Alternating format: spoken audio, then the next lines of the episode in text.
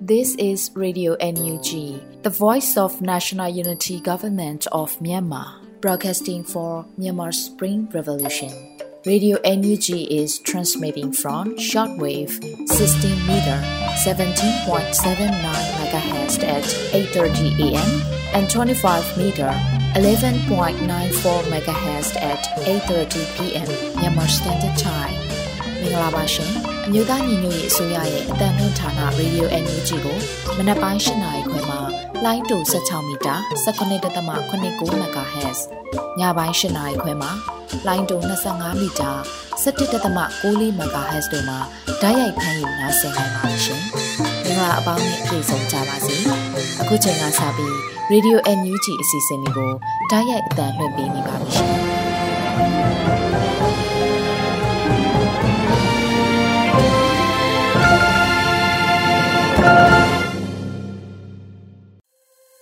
မြန်မာနိုင်ငံသူနိုင်ငံသားအပေါင်းတဘာဝဘေးဆရာနာရှင်ဘေးတို့ကနေကင်းဝေးပြီးကိုစိတ်နှပါဘေးကင်းလုံခြုံကြပါစေလို့ရေဒီယိုအန်ယူဂျီဖွယ်သားများကဆုတောင်းမြတ်တာပို့သလာရပါတယ်။အခုချိန်ကစပြီးနောက်ဆုံးရသတင်းများကိုလွေဦးနင်းစီမှဖတ်ကြားတင်ပြပေးပါမယ်ရှင်။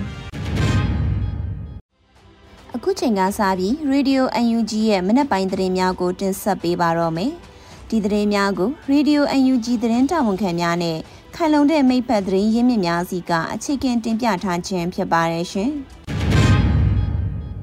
အမျိုးသားညီညွတ်ရေးအစိုးရကာကွယ်ရေးဝန်ကြီးဌာနအနေနဲ့လက်နက်ခဲယမ်းနဲ့စစ်စင်ရေးအသုံးစရိတ်ကို62.5ခွန်ရဂိုင်နှုန်းအထိအသုံးပြုနေတဲ့ဆိုတဲ့သတင်းကိုတင်ဆက်ပေးပါမယ်။အမျိုးသားညီညွတ်ရေးအစိုးရကာကွယ်ရေးဝန်ကြီးဌာနအနေနဲ့လက်နက်ခဲယမ်းနဲ့ စစ်စင်ရေးအသုံးစရိတ်ကို62.5ခွန်ရဂိုင်နှုန်းအထိအသုံးပြုနေပါတယ်လို့အမျိုးသားညီညွတ်ရေးအစိုးရကာကွယ်ရေးဝန်ကြီးဌာနကဇူလိုင်9ရက်နေ့မှာထုတ်ပြန်ခဲ့ပါတယ်။အမျိုးသားညီညွတ်ရေးအစိုးရကာကွယ်ရေးဝန်ကြီးဌာနအနေနဲ့2022ခုနှစ်မေလအထိနေရာဒေသအသီးသီးမှမိဘပြည်သူများရဲ့စစ်အာဏာရှင်စနစ်အမြန်ဆုံးအမြင့်ဖြတ်နိုင်ဖို့အတွက်ကာကွယ်ရေးဝန်ကြီးဌာနသို့ဓာတ်ရိုက်ထောက်ပံ့ပေးဖို့ငွေနဲ့အမျိုးသားညီညွတ်ရေးအစိုးရအနေနဲ့ရှာဖွေလျက်ရှိတဲ့ ဗန်ဒါယံမုံငွေများမှစုစုပေါင်းအမေရိကန်ဒေါ်လာ44သန်းကျော်လက်ခံရရှိခဲ့ပြီး သက်ဆိုင်ရာဗန္ဒများအလိုက်ခွဲဝေထောက်ပံ့သုံးစွဲခဲ့ပြီးဖြစ်ပါတယ်လို့ဖော်ပြပါတယ်။လက်ရှိဗန္ဒရန်ပုံငွေများမှာ American Dollar 44သန်းကျော်ကို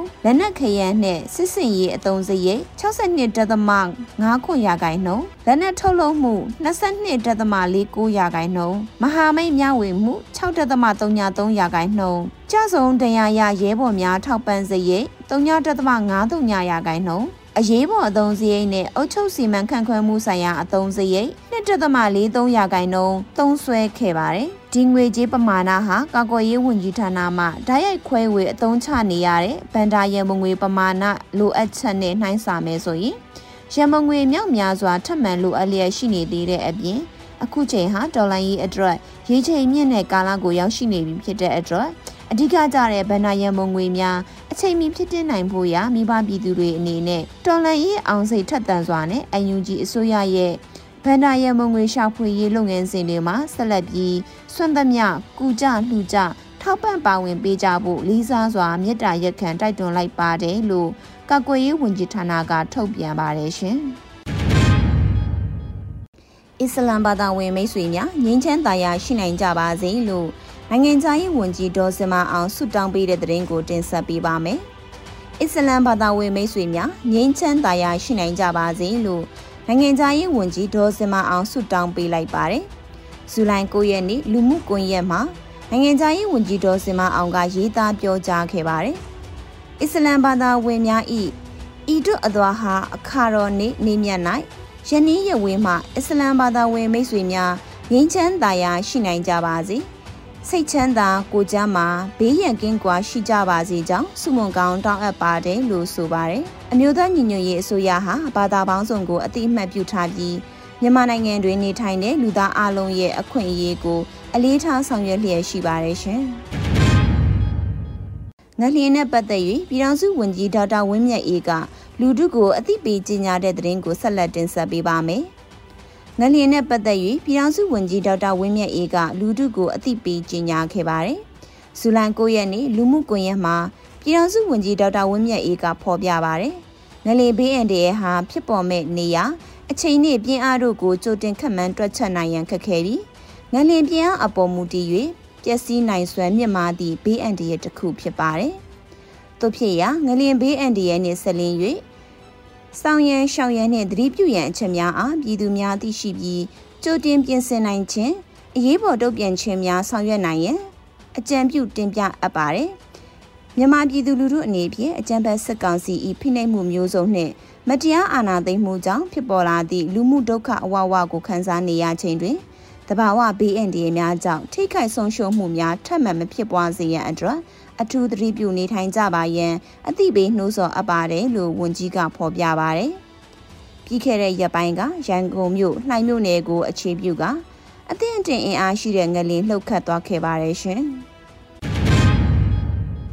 ရင်းမာပင်မှာပြည်သူပညာရေးကျောင်းမှအတန်းတင်စာမေးပွဲကျင်းပတဲ့တဲ့ရင်ကိုတင်ဆက်ပေးပါမယ်။ဇူလိုင်9ရက်နေ့ရင်းမာပင်မှာပြည်သူပညာရေးကျောင်းမှအတန်းတင်စာမေးပွဲကျင်းပနေတယ်လို့သတင်းရရှိပါရယ်။ မူလတန်းအဆင့်ကနေအထက်တန်းအထိစစ်ဆေးနေတာဖြစ်ပြီးအမျိုးသားညီညွတ်ရေးအစိုးရ UNG ရဲ့လမ်းညွှန်မှုပါဝင်ကြောင်းသိရှိရပါတယ်။စာမေးပွဲဖြေဆိုသူကျောင်းသူကျောင်းသားပေါင်း600ဝန်းကျင်အထိရှိပါတယ်။စကိုင်းတိုင်းရင်းမပင်မြို့နယ်တွင်ပြည်သူပညာရေးကျောင်းပေါင်း80ကျော်ဖွင့်လှစ်ထားပါတယ်ရှင်။ KGZ အာမီက130မမစံသက်ပစ်ခတ်ပြတဲ့သတင်းကိုတင်ဆက်ပေးပါမယ်။ဇူလိုင်9ရက်နေ့မှာ KGZ အာမီက 130မမစံသက်ပစ်ခတ်ပြခဲ့ပါတယ်။ဇူလိုင်9ရက်နေ့ကကရင်နီဒေသမှာလက်နက်ကြီးကိုစံသက်ပစ်ခတ်ပြပါတယ်။မိဘပြည်သူများတွေ့ချင်နေတော့130မမစံသက်ပြထားပါတယ်ဗျ။စစ်ခွေးတွေငိုဖို့အစင်သင့်ဖြစ်ပြီလား။မကြမီစစ်ငွေတွေငိုဖို့အတွက်130မမကိုရှေ့တန်းပို့ပေးပါတော့မယ်လို့ဆိုပါတယ်။ KG ဇက်အာမီဟာစစ်ကောင်စီတပ်များကိုခုခံတွန်းလှန်တိုက်ခိုက်နေတဲ့တော်လှန်ရေးအင်အားစုလည်းဖြစ်ပါတယ်ရှင်။ မြိုင်မျိုးနဲ့ကိုင်းတော်မရဲကင်းမှရဲတပ်သား2ဦးလက်နက်နဲ့အတူမြိုင်ပကဖသို့အလင်းဝင်လာ၍ကျသိန်း90ထောက်ပံ့ကလွတ်မြောက်နေမည်သို့ပို့ခဲ့တဲ့သတင်းကိုတင်ဆက်ပေးပါမယ်။မြိုင်မျိုးနဲ့ကိုင်းတော်မရဲကင်းမှရဲတပ်သား2ဦးလက်နက်နဲ့အတူမြိုင်ပကဖသို့အလင်းဝင်လာ၍ကျသိန်း90ထောက်ပံ့ကလွတ်မြောက်နေမည်သို့ပို့ဆောင်ခဲ့ပါတယ်လို့ဇူလိုင်လ9ရက်နေ့မှာမြိုင်ပြည်သူ့ကာကွယ်ရေးတပ်ဖွဲ့ကဆိုပါတယ်။မြိုင်မြို့နယ်ကိုင်းတော်မှရဲကင်းမှလ261 ခွန်31ရဲတပ်သားပါဆန်းနဲ့လ284488ရဲတပ်သားလူတော်တို့နှစ်ဦးဟာဇူလိုင်10ရက်နေ့နနက်9:45အချိန်တွင်မြိုင်မြို့နယ်ပြည်သူ့ကာကွယ်ရေးတပ်ဖွဲ့သို့ BA94 နှစ်လက်ဒေသခုံဦးစီးနှစ်လက်ကြည်အတောက်90ဖြင့် CDN ပြုလုပ်လာ၍၎င်းတို့အားငွေကျပ်350ကျပ်စီထောက်ပံ့ကလွတ်မြောက်နေမည်သို့ပို့ဆောင်ပေးထားပါတယ်လို့ဖော်ပြပါတယ်။ တခြားသောလက်ကျန်တပ်ဖွဲ့ဝင်များအနေဖြင့်လည်း CDN ပြုလုပ်ကြပါရန်မြိုင်ပခဖကဆိုပါတယ်ရှင်။ကရင်ပြည်နယ်မြဝတီဝေါ်လီကားလမ်းမတလျှောက်စစ်ကောင်စီတပ်များထိုးစစ်ဆင်တိုက်ခိုက်နေတော့လေ။ကော်ဘရာစစ်ကြောင်းကိုမရှင်နိုင်ပဲအကြအဆုံးများပြားတဲ့သတင်းကိုတင်ဆက်ပေးပါမယ်။ဇူလိုင်9ရက်ကရင်ပြည်နယ်မြဝတီဝေါ်လီကာလန်မာတရှောင်းစစ်ကောင်စီတပ်များထိုးစစ်ဆင်တိုက်ခိုက်နေတော့လေ ကော်ဘရာစစ်ကြောင်းကိုမရှင်နိုင်ပဲအကြအဆုံးများပြားခဲ့ပါတယ်။ဇူလိုင်9ရက်နေ့မှာကော်ဘရာစစ်ကြောင်းကသတင်းထုတ်ပြန်ခဲ့ပါတယ်။2022ခုနှစ်ဇူလိုင်9ရက်နေ့မှ9ရက်နေ့အတွင်းဖလူးဒေသရှိအကြမ်းဖက်စစ်ကောင်စီမှဟောင်ဝစ်ဇာတောင်ပေါ်ပြစ်အမြောက်လက်နက်များအသုံးပြု၍မြဝတီဝေါ်လီကားလမ်းမတလျှောက်အားရန်တမ်းပစ်ခတ်လျက်ရှိပါတယ်။ထို့သောပစ်ခတ်လျက်ရှိတော့လေလုံခြုံရေးရယူထားသောကော်ဘရာစစ်တီတော်များပြည်သူလူထု၏ချစ်မြစ်တာဖြင့်ခလုံးမထီစုမညီခဲ့ပါလို့ဖော်ပြပါတယ်။ ကော်ဘရာစစ်ကြောင်းကလက်ယုံတပ်ဖွဲ့များဖြစ်သောလက်နက်ကြီးစစ်တီများဒရုန်းစစ်တီများမှပြန်လည်ချိန်မုံခဲ့ရာကားလမ်းမတလျှောက်တစ်တော်များအတွင်ပုံခိုနေသောအကြံဖက်စစ်ကောင်စီစစ်ကြောင်းများထံတိကျစွာဓာတ်ရိုက်ထိမှန်ခဲ့ပြီးအများအပြားထိခိုက်ဒေဆုံးနေသည်ကိုတွေ့ရှိရပါတယ်လို့ကော့ဘရာစစ်ကြောင်းကဆိုပါတယ်ရှင်စစ်ကောင်စီတပ်အခြေစိုက်စခန်းများဖြစ်သောကြောင်ပြစခန်းကျွန်းပြင်းစိတ်စခန်းအော်လောစိန်စခန်းကော်ပြင်းစခန်း ကျောင်းစုစခန်းတို့ကိုသိမ့်ပိုက်ရရှိတဲ့တဲ့ရင်ကိုဆက်လက်တင်ဆက်ပေးပါမယ်ဇူလိုင်9ရက်စစ်ကောင်စီတပ်အခြေစိုက်စခန်းများဖြစ်သောကြောင်ပြစခန်းကျွန်းပင်စိတ်စခန်းအော်လောစိန်စခန်းကော့ပြင်းစကန်ကျောင်းစုစကန်တို့ကိုသိမ်းပိုင်ရရှိတယ်လို့သတင်းရရှိပါတယ်။ဇူလိုင်9ရက်နေ့မှာ KNU ကြောက်ကြီး PDF ပူပေါင်းတပ်ဖွဲ့ကထုတ်ပြန်ပါတယ်။ညောင်လေးပင်ခရိုင် KNU တပ်မဟာ3နယ်မြေအတွင်းရှိအကြံဖက်စစ်ကောင်စီအခြေစိုက်စခန်းများဖြစ်သော ကြောင်ပြစကန်၊ကျွမင်စိတ်စကန်၊အော်လုံးစိန်စကန်၊ကော့ပြင်စကန်ကျောင်းစုစကန်တို့ကိုသိမ်းပိုက်နိုင်ခဲ့ပါတယ်လို့ဖော်ပြပါတယ်စစ်ကောင်စီတပ်များဟာ KNU နယ်မြေအတွင်းအထိနာအကြဆုံးများပြားလျက်ရှိပါတယ်ရှင်စစ်ကောင်စီတပ်များဒီပရင်မြို့နယ်အတွင်းမှကြေးရွာပေါင်း၁၁ရွာကိုဝင်ရောက်စီးနင်းတိုက်ခိုက်ပြီးနောက်ပြည်သူပိုင်ပစ္စည်းများအားခိုးယူတဲ့တဲ့ရင်ကိုတင်ဆက်ပေးပါမယ်စစ်ကောင်စီတပ်များဒီပရင်မြို့နယ်အတွင်းမှ ကြေးရွာပေါင်း၁၁ရွာကိုဝင်ရောက်စီးနင်းတိုက်ခိုက်ပြီးနောက်ပြည်သူပိုင်ပစ္စည်းများအားခိုးယူခဲ့တယ်လို့ဒီပရင်ပြည်သူ့ကာကွယ်ရေးတပ်ဖွဲ့ကဇူလိုင်9ရက်နေ့မှာသတင်းထုတ်ပြန်ပါတယ်။အကြံဖက်စစ်ကောင်စီတပ်များဟာဇူလိုင်4ရက်နေ့မှာစ၍ဒီပရင်မြို့နယ်အတွင်းသို့လေကြောင်းမှစီးနင်းတိုက်ခိုက်ပြီးနောက်ကြေးရွာများသို့စစ်ကြောင်းထိုးလျက်ရှိပါတယ်။အခုချိန်ထိဒီပရင်မြို့နယ်အတွင်းမှ ကြေးရွာပေါင်း17ရွာကိုဝင်ရောက်စီးနင်းတိုက်ခိုက်ပြီးနောက်ပြည်သူပိုင်ပစ္စည်းများအားခိုးယူခြင်းပြည်သူပိုင်နေအိမ်များအားဖျက်ဆီးမိရှို့ခြင်းအဆရှိသည့်များကိုပြုလုပ်လျက်ရှိပါတယ်လို့ဖော်ပြပါတယ်။လက်ရှိအချိန်ထိ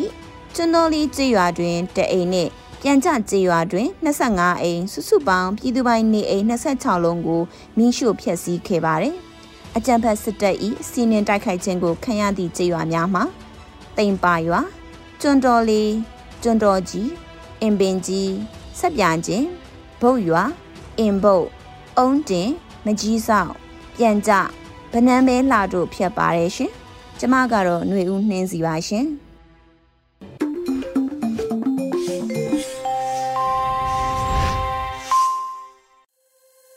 ရေဒီယိုအန်ယူဂျီရဲ့မနက်ခင်းစီစဉ်တွေကိုဆက်လက်တင်ပြနေပါတယ်။အခုတခါပြည်သူခုခံစစ်တရင်များကိုထက်ထက်အင်ဒရာမှဖတ်ကြားတင်ပြပေးပါမယ်ရှင်။ပ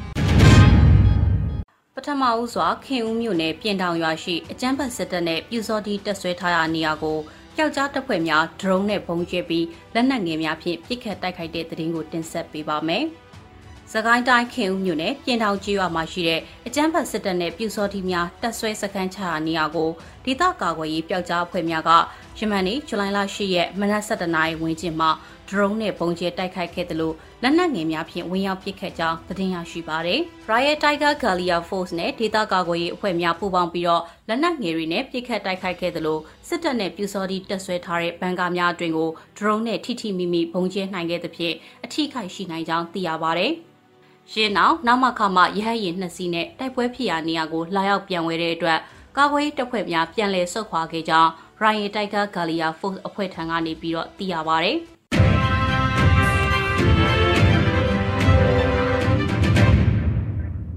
ဆက်လက်ပြီးတော့သခိုင်းမြင်းမှုလမ်းပိုင်းစစ်တပ်ရင်တန်းမိုင်းဆွဲခံရပြီးတော့20ဦးထပ်မံနဲ့တေဆုံးတယ်ဆိုတဲ့သတင်းကိုတင်ဆက်ပေးပါမယ်။စကိုင်းတိုင်းကနေမြင်းမှုသို့ထွက်ခွာလာတဲ့အကြမ်းဖက်စစ်တပ်စစ်ကားကိုစီးပါရင်နှန်းကိုဇူလိုင်လ9ရက်နေ့ညနေပိုင်းတွင်ဒေသခံကာကွယ်ရေးတပ်ဖွဲ့များကနှစ်ကြိမ်မိုင်းဆွဲတိုက်ခိုက်ခဲ့ပြီးတော့စစ်သား20ဦးထပ်မံတေဆုံးခဲ့ကြောင်းမြင်းမှု PDF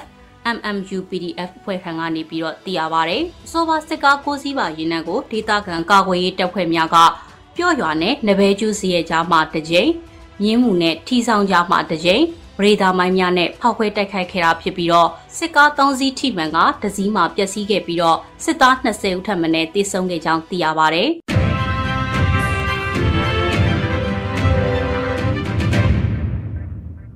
ဆက်လက်ပြီးတော့မုံရွာမန္တလေးလမ်းပိုင်းမှာစစ်တပ်ကင်းမုံများမိုင်းဆွဲခံရပြီးတော့အများအပြားထိခိုက်တယ်ဆိုတဲ့သတင်းကိုတင်ဆက်ပေးပါမယ်။ စကိုင်းတိုင်းမုံရွာမန္တလေးလမ်းပိုင်းမှာယနေ့ဇူလိုင်လ10ရက်နေ့နနက်ပိုင်းကစတင်ပြီးတော့စစ်တပ်ကင်းမုံများအကြိမ်ကြိမ်မိုင်းဆွဲတိုက်ခိုက်ခံရပြီးစစ်သား၁၀ဦးထပ်မံတေဆုံးခဲ့တယ်လို့ညောင်မြို့နယ်တော်လှန်ရေးတပ်ဖွဲ့ထံကသိရပါဗျ။မနက်6:30မိနစ်မှာမုံရမန္တလေးလမ်းမကြီးအတိုင်းချောင်းမြို့ကနေမြင်းမှုမြို့ကိုထွက်ခွာလာတဲ့စစ်သား30ခန့်တင်ဆောင်လာတဲ့ကန်တာကားနှစ်စီး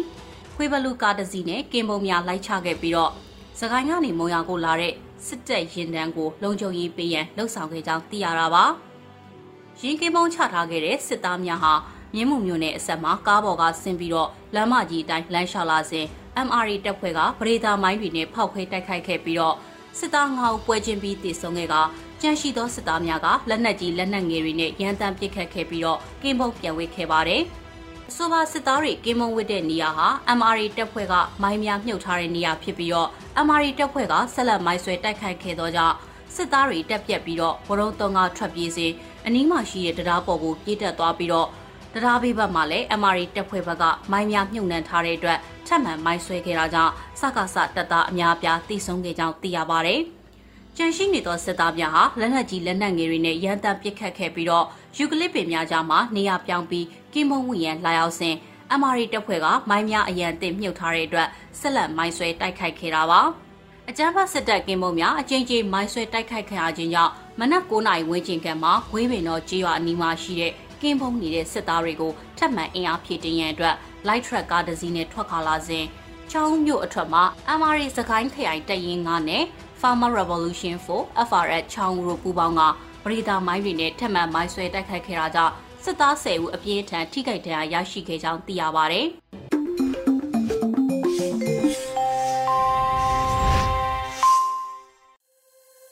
အခုဆက်လက်ပြီးနားဆင်ကြရမှာကတော့ PPTV ရဲ့နေ့စဉ်သတင်းများကိုထက်ထက်အင်ဒရာအောင်မှဖတ်ကြားတင်ပြပေးပါမယ်ရှင်။အခုတင်ဆက်ပေးမှာကတော့နေရက်စွန့်ခွာပြီးစစ်ဘေးရှောင်နေရတဲ့ပြည်သူတွေကိုအမျိုးသားညီညွတ်ရေးအစိုးရကလူသားချင်းစာနာထောက်ထားမှုအကူအညီတွေပေးနေတယ်ဆိုတဲ့သတင်းမှာ အကြမ်းဖက်စစ်ကောင်စီရဲ့တပ်တွေကကြီးရွာတွေကိုမိရှို့ပြီးတော့ပြည်သူတွေကိုတပ်ဖြတ်နေမှုတွေလုပ်နေတဲ့အတွက်နေရက်စွန့်ခွာပြီးတော့စစ်ဘေးရှောင်နေရတဲ့ပြည်သူတွေကိုအမျိုးသားညီညွတ်ရေးအစိုးရလူသားချင်းစာနာထောက်ထားရေးနဲ့ဘေးရန်ရဲ့ဆိုင်ရာစီမံခန့်ခွဲရေးဝန်ကြီးဌာနကထောက်ပံ့ကူညီမှုတွေကိုပေးအပ်နေတယ်လို့သတင်းထုတ်ပြန်လိုက်ပါတယ်။ဝန်ကြီးဌာနရဲ့ထုတ်ပြန်ချက်မှာတော့အကြမ်းဖက်စစ်ကောင်စီရဲ့ဖိနှိပ်အကြမ်းဖက်မှုတွေကြောင့်နေရစွန့်ခွာဆစ်ရှောင်နေရတဲ့ပြည်သူတွေ အသက်ဆုံးရှုံးထိခိုက်ခံစားနေရတဲ့ပြည်သူတွေနဲ့ပြည်သူခုခံတွန်းလှန်စေအတွင်းကြီးမြတ်စွာအသက်ပေးခဲ့ကြတဲ့ပြည်သူကာကွယ်ရေးရဲဘော်တွေရဲ့ကြံရစ်သူမိသားစုတွေကိုတစုံတရာဖြစ်သိမ့်ပေးနိုင်မှုအတွက်လူသားချင်းစာနာမှုအထောက်ပံ့အကူအညီများပေးအပ်နေတယ်လို့ဖော်ပြထားပါတယ်။ဒီလိုထောက်ပံ့မှုတွေပြုလုပ်ခဲ့ရမှာချင်းပြည်နယ်၊ကရင်ပြည်နယ်၊ကရင်နီပြည်နယ်၊တနင်္သာရီတိုင်းဒေသကြီးအတွင်းမှာထောက်ပံ့ခဲ့တဲ့မှတ်တမ်းတချို့ကိုထုတ်ပြန်လိုက်တာပါ။ စကိုင်းတိုင်း၊ပဲခူးတိုင်း၊မွန်ပြည်နယ်အတွင်းကစစ်ဘေးရှောင်တွေအတွက်လည်းကုညီပံ့ပိုးမှုတွေဆောင်ရွက်ပေးနေတယ်လို့ဝန်ကြီးဌာနကဖော်ပြထားပါတယ်။ဝန်ကြီးဌာနကထောက်ပံ့မှုတွေဆောင်ရွက်နိုင်ရန်မကုန်ခန်းနိုင်တဲ့စေတနာတွေနဲ့လှူဒန်းပေးကြတဲ့ပြည်တွင်းပြည်ပအလှူရှင်ပြည်သူတွေအားလုံးကိုကျေးဇူးတင်ဂုဏ်ပြုရဲဆိုပြီးတော့လည်းဖော်ပြထားပါတယ်။ဆလတ်တင်ဆက်ပေးမှာကတော့တမူးမြို့မှာအိန္ဒိယနိုင်ငံသား2ဦးတပ်ဖြတ်ခံရတဲ့အပေါ်အမျိုးသားညီညွတ်ရေးအစိုးရကကြေညာချက်ထုတ်ပြန်လိုက်တဲ့ဆိုတဲ့သတင်းမှာ တမူးမြို့မှာအိန္ဒိယနိုင်ငံသား2ဦးတပ်ဖြတ်ခံရတဲ့အပေါ်မှာအမျိုးသားညီညွတ်ရေးအစိုးရကကြေညာချက်အမှတ်16မြင်းဆောင်2022ကိုဇူလိုင်လ10ရက်ရက်စွဲနဲ့ထုတ်ပြန်ကြေညာလိုက်ပါတယ်။ကြေညာချက်ထဲမှာ2022ခုနှစ်ဇူလိုင်လ9ရက်မွန်လက်တနာရီကမှာတမူးမြို့စော်ဝါရက်ကွက်အမကာလီကျောင်းအနီးမှာ အိန္ဒိယနိုင်ငံသားများဖြစ်ကြတဲ့မစ္စတာမိုဟန်28နှစ်နဲ့မစ္စတာအိုင်နာ35နှစ်တို့ကိုအကြမ်းဖက်စစ်ကောင်စီရဲ့ထောက်တိုင်ဖြစ်တဲ့ပြူစောတိအဖွဲ့ဝင်တွေကရက်ဆက်စွာပြစ်ခတ်တပ်ဖြတ်ခဲ့တာကိုစိတ်မကောင်းစွာသိရှိခဲ့ရတယ်လို့ဖော်ပြထားပါတယ်။ဒါအပြင်တေဆုံးသူနှုတ်ရဲ့ရုပ်ကလပ်ကိုကျန်းရစ်သူမိသားစုတွေကိုပြန်လည်လွှဲပြောင်းပေးရခြင်းမရှိဘဲအကြမ်းဖက်စစ်ကောင်စီလက်ပါစီတွေဖြစ်တဲ့အုပ်ချုပ်ရေးအဖွဲ့အစည်းတွေကဥဆောင်ပြီးတော့မိတကြူခဲ့တယ်လို့ဆိုထားပါတယ်။ တပ်ဖြတ်မှုကိုကျူးလွန်ခဲ့သူတွေကတမူးမျိုးရဲ့ပြူစောတိခေါင်းဆောင်တအုပ်ဖြစ်တဲ့မောင်လေးဝင်းရဲ့ညွှန်ကြားချက်အောက်မှာလှုံ့ဆော်ပေးနေတဲ့ပြူစောတိအဖွဲ့ဝင်2ဦးဖြစ်တဲ့ဖိုးစိန်နဲ့ဇော်ရဲဆိုသူတွေဖြစ်တယ်လို့တပ်ဆိုင်ရာမြို့နယ်တာဝန်ရှိအဖွဲ့အစည်းတွေရဲ့တင်ပြချက်အရသိရှိရတယ်လို့ထုတ်ပြန်ကြမှာဖော်ပြထားပါတယ်။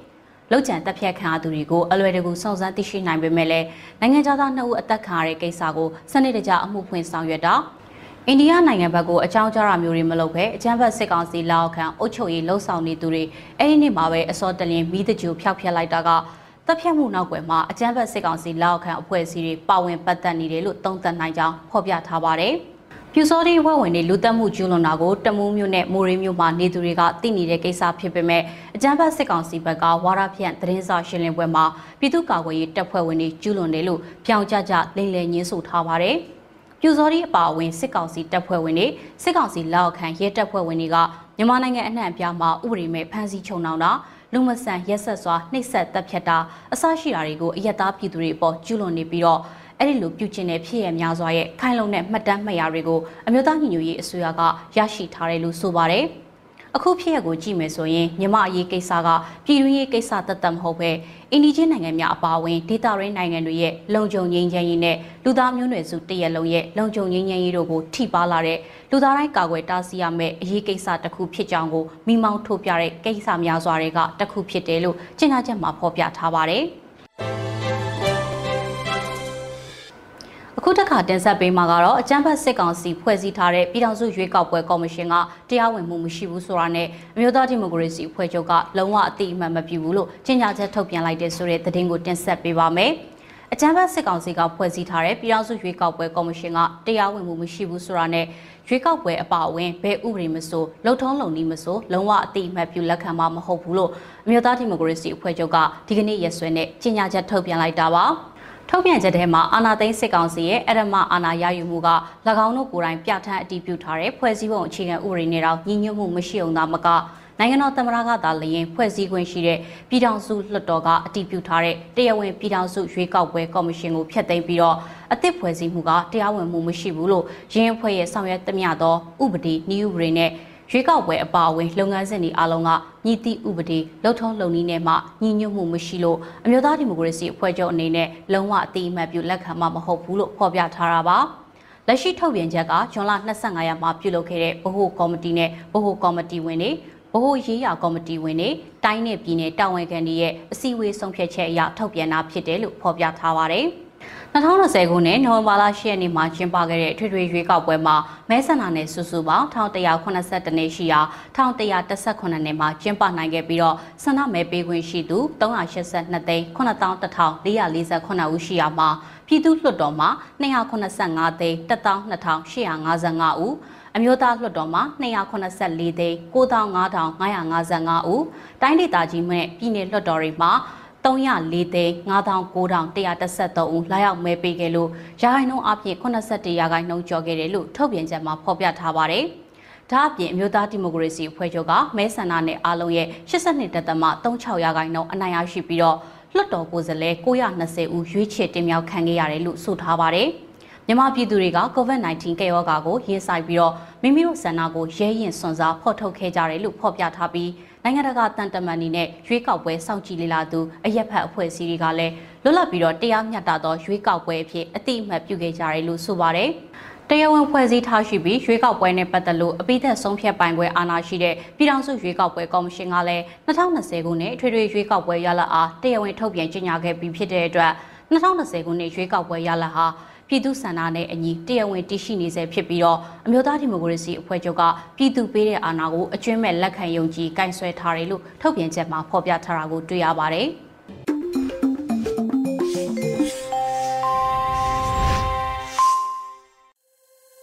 ရေဒီယိုအန်ယူဂျီမှာဆက်လက်တင်ပြနေပါတယ်။တိုင်းသားဘာသာစကားဖြင့်သတင်းထုတ်လွှင့်မှုအစီအစဉ်အနေနဲ့ချိုးချင်းဘာသာစကားခွဲတစ်ခုဖြစ်တဲ့မွန်ဘာသာဖြင့်သတင်းထုတ်လွှင့်မှုကိုနားဆင်ကြရမှာဖြစ်ပါတယ်။ ဒီအစီအစဉ်ကို Radio NUG နဲ့ချိုးချင်းဘာသာစကားသတင်းထုတ်လွှင့်မှုဖွဲ့တို့ကပူးပေါင်းတင်ဆက်ထားတာဖြစ်ပါတယ်ရှင်။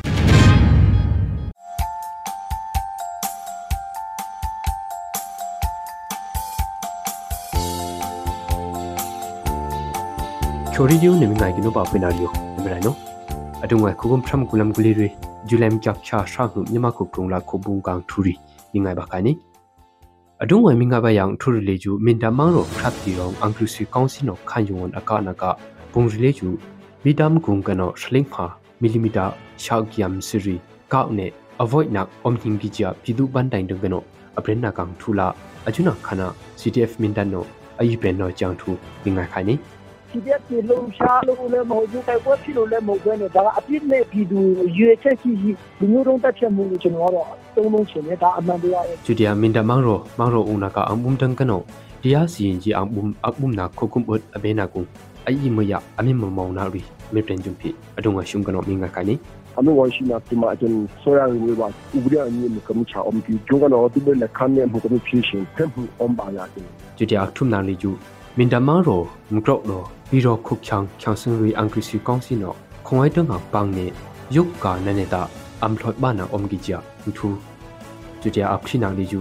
အန်ကရစီကောင်စီတန်ကနောအမ်ဒူယာချိုခိုအဆူယံဘွန်တန်ကနောအခထုမ်ကိပလေအဘီနာကမဘီယာစီကင်းစင်နဘရဒုကရိယာခနာငွေရီမပေနာအုံဂီဂျန်ထူဖိငါခနိကျူတျာထူပြန်ထူလေကျူဂျပန်ကိုဝန်ဂျီတူပရမ်ကြကရှင်ဇိုအပီလီကျူဆေဟေဒွန်အမေခနာကဖွာ စစ်ပီဂျီယာနူထူရီအတုံဝရှုံကနောငါခနိ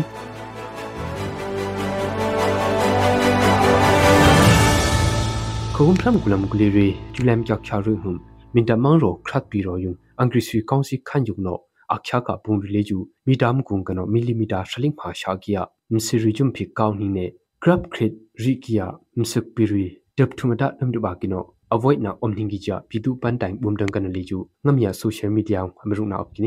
kini achuna bungri tai gya khan yung li ju am gem bia himkin adung kilometer pham ha long hingi ji phi ngami no break ni achuna ge si achuna khan yung li ju f7 e5 kxw mig 29 ji mu ya khan yung ri ken hingi ji phi ngami no li ju break ni achuna angri sui kong si no aka na kong pak se le ju ctf mindan no ashikra break ni ဒါနှစ်ချင်းကြီးဘုံအလုံး20ကျော်ချတော့တာ အဲ့ဒါမှနေနေပြည့်စည်တယ်တရားအများပြရတယ်ကျွန်တော်တို့စီတဲ့ပြပေါ်တုံးချဆုံးသွားတယ်ပေါ့နော်စီတဲ့ပြေလုံးရှားလို့လည်းမဟုတ်ဘူးတိုက်ပွဲဖြစ်လို့လည်းမဟုတ်ဘဲနဲ့ဒါကအပြစ်နဲ့ပြည်သူရွေချက်ရှိရှိလူမျိုးတုံးတက်ချက်မှုလို့ကျွန်တော်ကတော့သုံးလုံးချင်တယ်ဒါအမှန်တရားပဲအကျွနမယအန်ကရစီကောင်စီတန်ကနောခရပ်ပြီးတော့ကုငါအကနာလီကျူ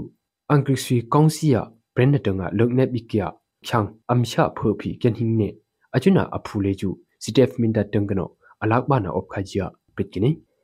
မင်တမောင်ရောအကူမောင်ရောဦးနာကအန်ဘုံတန်ကနောတမ်ပန်းစီထုံခရနာကတရားစီရင်ဘုံလေကျူခုကုမ်ဖရမ်ကူလမ်ကူလီအန်ဂျူလမ်ကြခါခရင်ဟုံတွန်းနေမိဘုံနာခုကုမ်ဘပဲလောက်ကိနေအကျွနာမိဘုံနာကောင်ပါစလေကျူမင်တမောင်ရောခုမ်ခရနာအန်ဝိုက်တမနောငမ်ယဘီလောမောင်လမ်ရီယံပါစီအရှင်အပရစ်ကိနေ အမင်းဝန်ရှိတူနာရီအမကေခုထွန်ပြေဦးနေချီတူဝဘလောလေကျေခုရှိုနေပြေဦးနေချာချုပ်ချုပ်နေကမင်းဤလောနာဒီမှာအမကေဂျုံကနောချန်တီရပေါ်ချင်းတိုင်နေဂျီယောကဘဖော်ပါတဲ့ယူနော်မပြင်းတဲ့ယူအမကလူဝါချိနာမေတာတရားစင်ရနေအောင်အမဝန်ရှိနာဒီမှာအကျန်ဆိုရငွေပါဥပဒေအမြင့်ကမချာအမကေဂျုံကနောဒီဘလက်ခမ်းနေမှုကမဖြည့်ရှင်ဖက်မှုအမပါရကနေတရားစီကနောအဝန်နောအနောက်ဒီထောပီနေအဝန်နောနပောင်စီပူနေမနန်ပြီးလို့ဒီပင်းကိုခိုက်ကြကိနေမင်တမောရောအကုံလေးကျူ ချိုထုငွန်လုံနေကပိနှင်းငါမကန်နာရီဂျုံပီအောမမယအချွနာမောင်လမ်ရီယောင်ပါစလီကျူလောက်ခရခင်ယူငမီတန်ကနောအမေပီလောဘာပေပါရီဂျုံပီအော့ကီဂျာငမီတန်ကနလီကျူပရစ်ကနီမင်တမောင်ရောမ်ကောက်တော့ပီရောင်ကာချန်စင်ရီဂျူလမ်ကခခရုမှုခုံဝဲတန်ဟင်ခိမဟာလောကုံအန်ကရစီကောင်စီတန်ကနောလောနေအောက်ပန်နာအုံဂီဂျာ CTF မင်တတန်ကနလီကျူပရစ်ကနီအဒုမေမီပနာပါမီချန်စင်ရီလေကျူခုံဝဲတန်ကအမိပနာကိနေခုဝဲတန်ကဒုဒိနာဦးနေ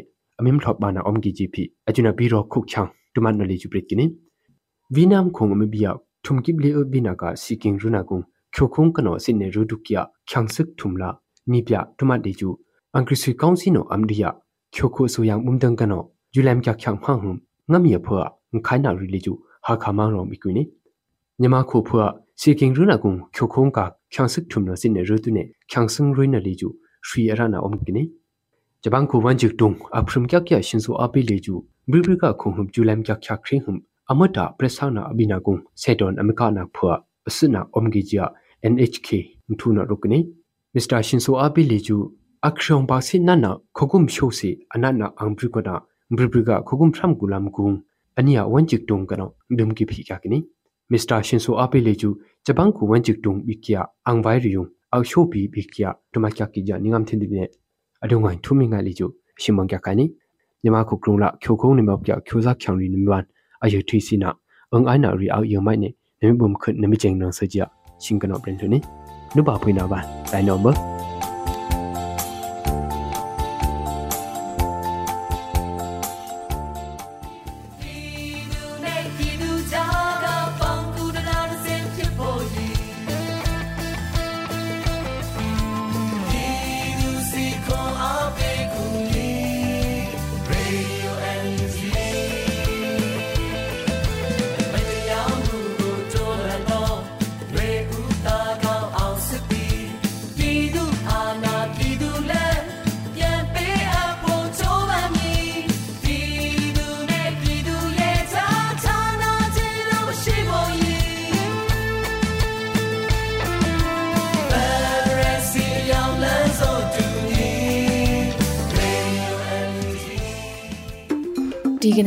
ဒီညနဲ့ပဲ Radio NUG ရဲ့အစီအစဉ်လေးကိုခਿੱတရနာလိုက်ပါမယ်ရှင်။မြမစံတော်ချိန်မနက်၈နာရီခွဲနဲ့ည၈နာရီခွဲအချိန်တွေမှာပြန်လည်ဆုံတွေ့ကြပါစို့။ Radio NUG ကိုမနက်ပိုင်း၈နာရီခွဲမှာလိုင်းတူ16မီတာ17.8 MHz ညပိုင်း၈နာရီခွဲမှာလိုင်းတူ25မီတာ17.6 MHz တို့မှာဓာတ်ရိုက်ဖမ်းလို့နိုင်စေနိုင်ပါပြီ။ မြန်မာနိုင်ငံသူနိုင်ငံသားတွေကိုစိတ်နှပြ